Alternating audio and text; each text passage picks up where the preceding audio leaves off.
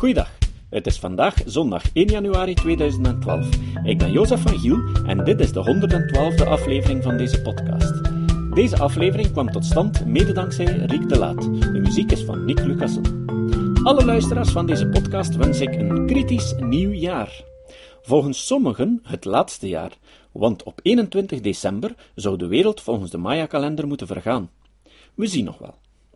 In ieder geval is dit nieuwe jaar het ideale moment om een reflectie op de toekomst te maken.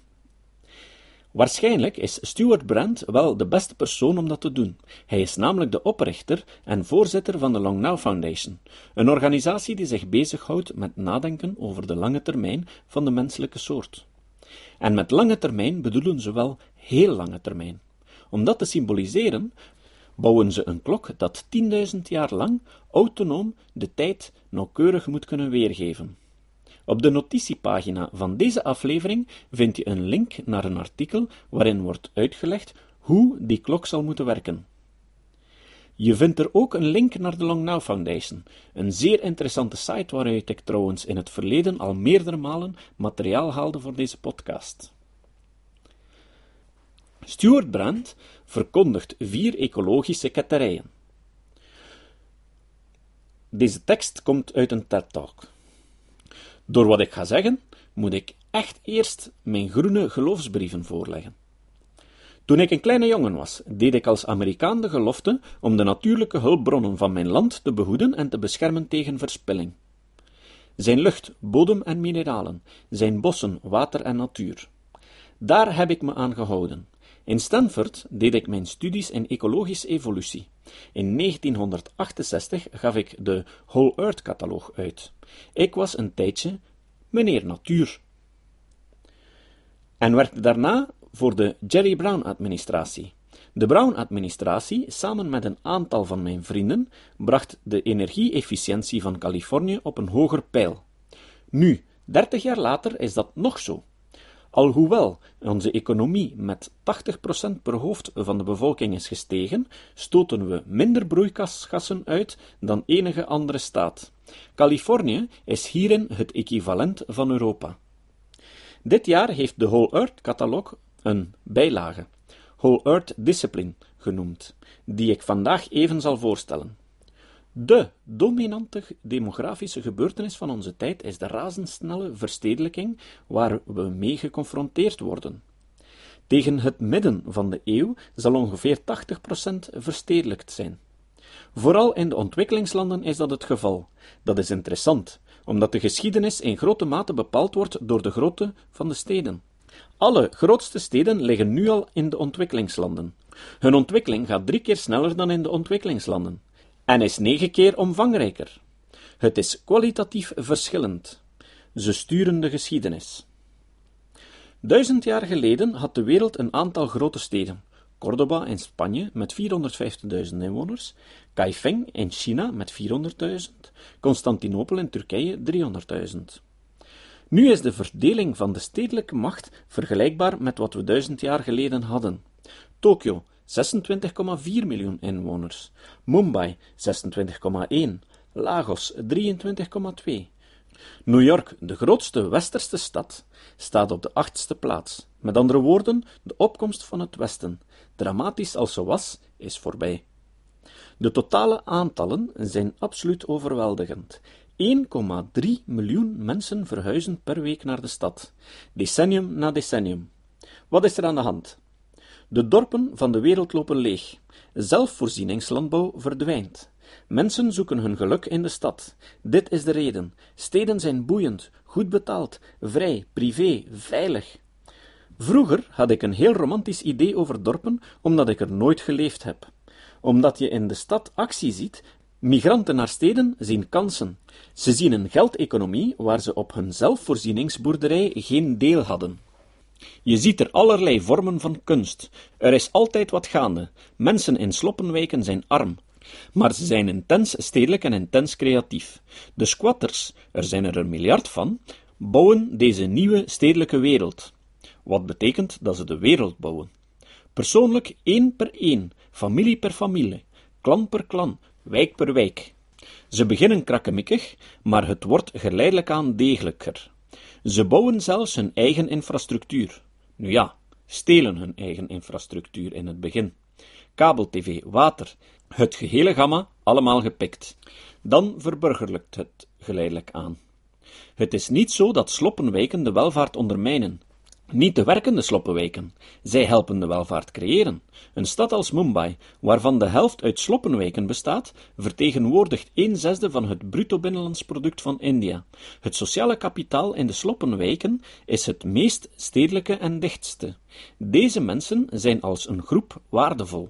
Een heleboel mensen denken over deze arme mensen: Oh, wat vreselijk, we moeten hun woningprobleem oplossen.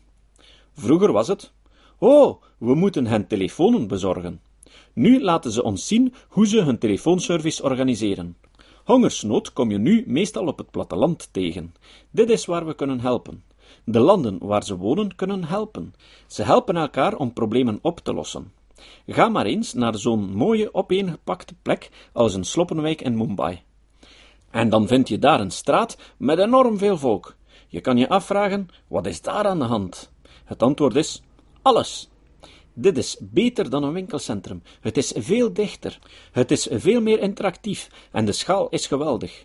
Het belangrijkste feit is dat dit geen door armoede verpletterde mensen zijn. Dit zijn mensen druk bezig om uit hun armoede weg te geraken, zo snel mogelijk. Ze helpen elkaar daarbij. Ze doen het buiten de wet via de informele economie. De informele economie is een soort donkere energie, zoals in de astrofysica. Ze mag er eigenlijk niet zijn, maar ze is enorm. We begrijpen nog niet helemaal hoe ze werkt en we moeten het leren. Verder komen de mensen in de informele economie, de grijze economie, na verloop van tijd de misdaad tegen. Ze kunnen toetreden tot de criminele wereld of ze kunnen toetreden tot de legitieme wereld. We moeten ze in staat stellen om die keuze te maken in de richting van de legitieme wereld, want als we dat niet doen, komen ze in de criminele wereld terecht. Er zijn allerlei soorten activiteiten. De sloppenwijk Dharavi levert niet alleen diensten voor zichzelf, maar ook diensten voor de stad als geheel. Een van de belangrijkste dingen zijn geïmproviseerde scholen. Ouders verzamelen geld om een aantal lokale leraren in te huren voor een eigen kleine niet-officiële school. Onderwijs is mogelijk in de steden, en dat verandert de wereld. Zo zie je een aantal interessante, typische stedelijke dingen. Het ene ding geplakt tegen het ander, zoals in Sao Paulo. Dat is wat steden doen. Dat is hoe ze waarde creëren door dingen bij elkaar te brengen. Aanbod vlak naast de vraag, zodat de meiden, de tuinders en de bewakers, die leven in het levendige gedeelte van de stad, te voet naar het werk in de saaie, rijke buurt kunnen. Nabijheid is verbazingwekkend. We leren over hoe dicht nabijheid kan worden. Connectiviteit tussen de stad en het platteland houdt het platteland in goede doen, omdat de stad interessante manieren heeft om dingen gedaan te krijgen. Dit maakt steden. Dit is wat steden zo groen maakt in ontwikkelingslanden omdat de mensen de armoedeval verlaten, een ecologische ramp van armtierige bedrijven, en naar de stad trekken, als ze weg zijn, komt de natuurlijke omgeving in een spoedtempo terug. Degenen die in het dorp blijven, kunnen dan marktgewassen beginnen telen om voedsel te sturen naar de nieuwe groeiende markt in de stad. Als je een dorp wil redden, dan doe je dat met een goede weg of met een goede mobiele telefoonverbinding, in het ideale geval met elektriciteit. Het is dus een feit dat we een stadsplaneet zijn geworden. Dat gebeurde gewoon. Meer dan de helft. De cijfers zijn aanzienlijk. Een miljard mensen woont nu in squattersteden. Nog eens een miljard wordt verwacht. Meer dan een zesde van de mensheid leeft zo. Dat zal veel van hoe wij functioneren gaan bepalen. Voor ons milieuactivisten is misschien wel het groenste ding aan steden dat ze de lont uit de bevolkingsbom halen. Mensen gaan naar de stad. Ze hebben onmiddellijk minder kinderen. Daarvoor hoeven ze niet eens rijk te worden. De gelegenheid om op te klimmen in de wereld betekent dat ze minder, maar beter opgeleide kinderen zullen krijgen, en het geboortecijfer daalt drastisch. Zeer interessant neveneffect hier. Als we meer en meer oude mensen zoals ik gaan hebben en steeds minder baby's, en ze zijn regionaal gescheiden, dan krijg je een wereld van oude mensen en oude steden die dingen op de oude manier doen in het noorden, en jonge mensen in geheel nieuwe steden waar ze nieuwe dingen uitvinden en doen in het zuiden. Waar denk je dat de actie zal plaatsvinden? Verandering van onderwerp. Over het klimaat. Het klimaatnieuws, het spijt me om te moeten zeggen, gaat steeds slechter uitvallen dan we denken en sneller dan we denken. Klimaat is een uitermate complex en niet-lineair systeem, vol met op hol geslagen positieve terugkoppelingen, verborgen drempels en onherroepelijke kantelpunten. We gaan verrast blijven worden, en bijna alle verrassingen zullen onaangenaam zijn. Vanuit jullie standpunt betekent dit dat er een grote toename van klimaatvluchtelingen zal zijn in de komende decennia. Dat gaat samen met grondstoffenoorlogen en chaosoorlogen, zoals we zien in Darfur. Dat zijn de gevolgen van de droogte. Het brengt de draagkracht naar beneden. Er is niet genoeg draagkracht om de mensen te onderhouden. Dan zit je in de problemen. Nog een ander onderwerp: de energievoorziening. Basisbelasting elektriciteit is wat er nodig is om een stad of een stadsplaneet te laten functioneren. Tot nu toe zijn er slechts drie bronnen van basislast elektriciteit: kolen en een beetje petroleum, kernenergie en waterkracht. Daarvan kan je alleen kernenergie en waterkracht als groen beschouwen. Steenkool is de veroorzaker van het klimaatprobleem. Iedereen zal het blijven stoken omdat het zo goedkoop is, totdat de overheden het duurzaam maken. Wind- en zonne-energie zijn geen oplossing, want tot dusver hebben we geen manier om die elektriciteit op te slaan. Waterkracht zit al aan zijn maximum. Blijft kolen gebruiken en het klimaat naar de vaantjes, of gebruik kernenergie, de huidige operationele koolstofarme bron, en misschien red je het klimaat. Als we ooit goede zonne-energie krijgen uit de ruimte, zou dat ook kunnen helpen. Want onthoud dat het dit is wat de welvaart in de ontwikkelingslanden, in de dorpen en in de steden aandrijft. Vergelijk de afvalproducten tussen kolen- en kernenergie eens. Als alle elektriciteit die je gebruikt tijdens je leven nucleair was, dan zou de gezamenlijke hoeveelheid afval passen in een coca-blikje. Terwijl een kolencentrale, een normale gigawatt kolencentrale, 80 treinwagons kolen per dag verbrandt, elke wagon bevat 100 ton kolen, en dat brengt 18.000 ton kooldioxide in de lucht. Wanneer je de levensduuruitstoot van deze verschillende vormen van energie vergelijkt, dan komt kernenergie overeen met zonne- en windenergie. En beter dan zonne-energie alleen. Sorry, vergissing. Met waterkracht en wind. En met voorsprong op zonne-energie. Het goede nieuws is dat de ontwikkelingslanden, eerlijk gezegd, de hele wereld bezig zijn met het bouwen van nucleaire reactoren of eraan beginnen. Dat is goed voor de atmosfeer. Het is goed voor hun welvaart. Ik wil wijzen op een interessant ding dat milieuactivisten microvermogen noemen. Meestal gaat het om lokale zonne- en windenergie en warmtekrachtkoppeling en dat soort goede dingen. Maar eerlijk gezegd zijn de microreactoren die nu op de markt komen nog interessanter. De Russen die ermee begonnen, bouwen nu drijvende reactoren voor hun nieuwe doorvaart ten noorden van Rusland, waar het ijs aan het smelten is. En ze verkopen deze drijvende reactoren van slechts 35 megawatt aan ontwikkelingslanden. Bijvoorbeeld het ontwerp van een vroegtype van Toshiba. Het is interessant om zo'n 25 megawatt, 25 miljoen watt, te vergelijken met zo'n standaard grote ijzeren Westinghouse of Arriva, die zo'n 1,2 à 1,6 miljard watt vermogen heeft. Deze dingen zijn veel kleiner, veel flexibeler. Ze zijn ook profileratiebestendig. Ze zitten meestal in de grond ingegraven. De innovatie gaat erg snel. Ik denk dat microreactoren belangrijk zullen zijn voor de toekomst. Wat proliferatie aangaat, heeft nucleaire energie meer gedaan voor het ontmantelen van nucleaire wapens dan enige andere activiteit. Dat is de reden waarom 10 à 20 procent van de elektriciteit in deze zaal waarschijnlijk van kernenergie is. De helft daarvan is afkomstig uit gedemonteerde kernkoppen uit Rusland. Binnenkort zijn de Amerikaanse ontmantelde kernkoppen aan de beurt. En ik zou het GNEP-programma, dat werd ontwikkeld door de regering Bush, met rassenschreden vooruit willen zien gaan. Ik was blij dat president Obama de nucleaire brandstofbankstrategie ondersteunde toen hij vorige week in Praag sprak. Nog een onderwerp. Genetisch gemanipuleerde voedselgewassen hebben in mijn ogen als bioloog geen reden om controversieel te zijn. Mijn collega-milieuactivisten zijn over dit onderwerp irrationeel, antiwetenschappelijk en zeer schadelijk geweest. Ondanks hun inspanningen zijn genetisch gemanipuleerde gewassen de snelst groeiende succesvolle agrarische innovatie in de geschiedenis. Ze zijn goed voor het milieu, omdat ze landbouw zonder ploegen mogelijk maken, waardoor de grond op zijn plaats blijft en van jaar tot jaar gezonder wordt. Daardoor geraakt ook minder kooldioxide van de bodem in de atmosfeer. Ze vermindert het gebruik van pesticiden en ze verhoogt de opbrengst, waarmee je agrarisch areaal kleiner wordt en daardoor meer wildgebied wordt vrijgemaakt. Tot 2006 lag Afrika nog onder de duim van Greenpeace en Friends of the Earth uit Europa. Ze geraken daar nu eindelijk onderuit, waardoor biotech eindelijk snel opkomt in Afrika. Het is een morele kwestie. De Nuffield Council on Bioethics vergaderde op dit punt twee keer tot in detail en zei dat het een morele plicht was om genetisch gemanipuleerde gewassen gemakkelijk beschikbaar te maken.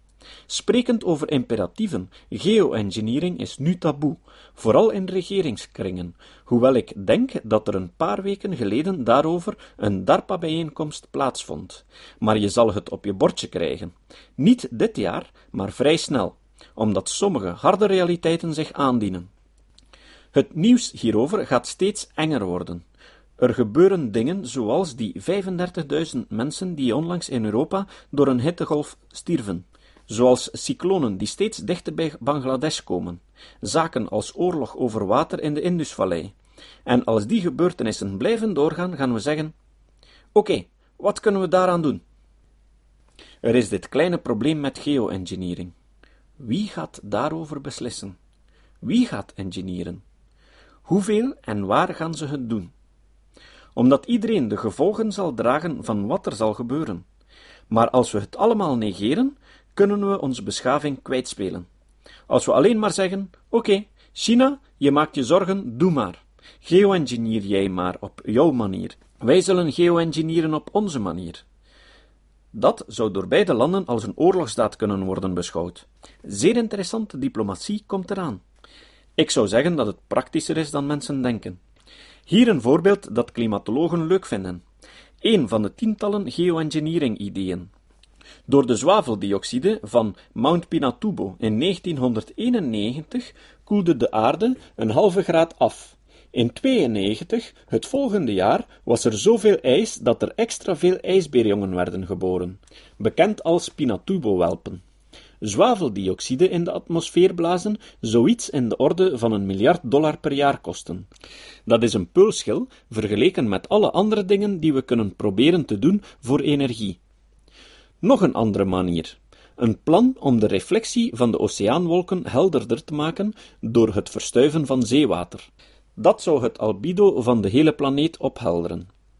Een mooie manier, want ze kan kleinschalig en op allerlei wijzen op allerlei plaatsen gebeuren, is de methode van de oude Amazone-Indianen, die goede landbouwgrond verkregen door het pyrolyseren, het laten smullen van plantaardig afval.